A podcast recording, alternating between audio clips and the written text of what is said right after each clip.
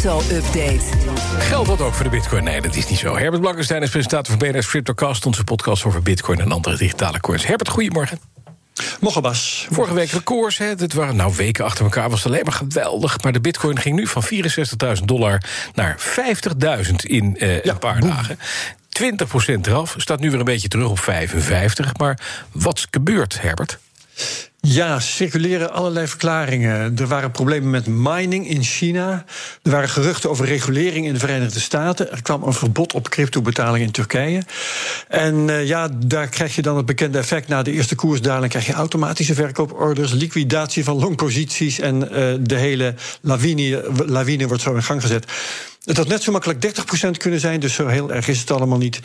En intussen zeggen crypto-veteranen dat er coins zijn gegaan van weak hands, namelijk mensen die niet tegen een beetje koersval kunnen, naar strong hands die dat wel kunnen. Ja, nou, dat kan nog. Jij had het laatst nog over de onstuitbaar stijgende bodem in die koersgrafiek. Hè? Als je ja. inderdaad technisch analyseert, wat ik altijd totale onzin vind, maar oké. Okay, uh, dan ja. zien we dus uh, uh, weerstandsniveaus. Nou, daar waren we doorheen gebroken. We zijn nu weer er dwars doorheen, hè? Ja, ik, ik had gezegd dat of er komen nieuwe records... of die trend wordt afgebroken. Nou, ja. het is eigenlijk allebei gebeurd. Mm -hmm. Eerst hadden we een all-time high vorige week. En nu, nou ja, alleen als je een hele gekke lineaal hebt... kun je nog ergens een rechte lijn uh, ontwaren. Ja, ja. Dus ja, we zitten in een dip, dat is dan maar zo. Um, wel grappig om even te kijken naar hoe dat in uh, begin april gebeurde.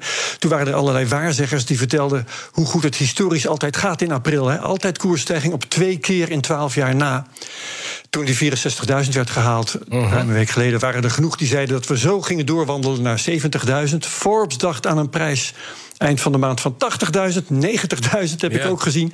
Maar het lijkt toch echt dat de futter even uit is na een half jaar van stijgingen. Ja. Waar het wel goed mee ging, de enige uh, uh, crypto-munt die het goed deed, was die grapmunt Dogecoin. ja, nou niet de enige hoor, maar wel heel ja, uitzonderlijk. Ja. Ja, op een gegeven moment was hij meer dan vervijfvoudigd in een week. Dat kon je gisteren vaststellen. Uh, hij was toen de vijfde coin ter wereld met een marktkapitalisatie van zo'n 54 miljard dollar. Dat is niet slecht voor een coin die begonnen is als een grap. En die ook eigenlijk nergens goed voor is. Nee. Uh, je, je, je, gaat, ja, echt waar. Je gaat langzamerhand denken aan het circus rond de aandelen GameStop, weet je nog wel? Die werden omhoog gejaagd doordat het een sport werd voor online beleggers om dat voor elkaar te krijgen. Mm -hmm. Ja, precies. Er is ook je kunt er wel mee betalen nu hè, bij online elektronica warehuis Newegg. Ja, dat is ook de enige plek hoor, volgens mij. Um, New, ja, ja. Newegg probeert er gewoon een graantje mee te pikken van de publiciteit uh -huh. rond die Dogecoin. Uh, ze waren er vroeg bij met Bitcoin-betalingen trouwens. Die zijn er al mogelijk sinds 2014. Dus uh, ja, ze kunnen met weinig moeite uh, dit mogelijk maken. Ik denk dat het iets is als het omzetten van een knop. En ja, weet je, veel mensen hebben die doos. Uh, hij is inwisselbaar op de exchanges, dus je kunt er gewoon zaken mee doen als je wilt. Ja. het was gisteren trouwens ook Doge Day. Ik wist, ik wist niet dat je. Ik het. Bestond. Ja, we hebben het ook niet. We hebben het gevierd. Jij hebt het gevierd, oké. Okay, ja. ja. we hebben twee schapen gekocht. Door flink met, met muntjes te gooien. Ja. Um, maar goed, het doel van die community rond de coin om een waarde van 1 dollar te halen gisteren, dat is niet gehaald. De doos kwam gisteren niet verder dan 42 dollarcent. En is nu alweer terug op 32 cent. En dat is een respectabele 25% omlaag in één dag. Zo, ja, dank u wel. Toch alweer meer acceptatie voor Bitcoin. Bijvoorbeeld bij WeWork. Hè? Weet je nog, WeWork, mislukte beursgang in 2019. Nou ja, die hadden machinaties. Een, ja, die hadden ja, een baas die allerlei gekke dingen deed, hè? Ja, precies. Ze zijn alweer in wat rustiger vaarwater. Mm -hmm. En ze gaan nu bitcoin accepteren als betaling. Gaan die bitcoin ook op de balans houden. Dus we kunnen WeWork op het lijstje zetten van bedrijven... dat spaart in bitcoin. En Coinbase, zelf net naar de beurs, is de eerste klant die WeWork gaat betalen in bitcoin. Mm. En die kunnen elkaar goed gebruiken. Hè? Dat is een leuk verbond. Coinbase heeft een mooi voorbeeld zo van het nut van bitcoin. En WeWork wil goede publiciteit, want let op, er zit een nieuwe poging tot een beursgang aan te komen. Mm. Nou, dan hebben we, als het om betalingen gaat, nog Time. Time, daar heb ik pas over verteld dat ze betalingen in bitcoin gaan krijgen van Grayscale voor ja. het maken van video's. Nu gaan ze ook betaling in bitcoin accepteren voor abonnementen.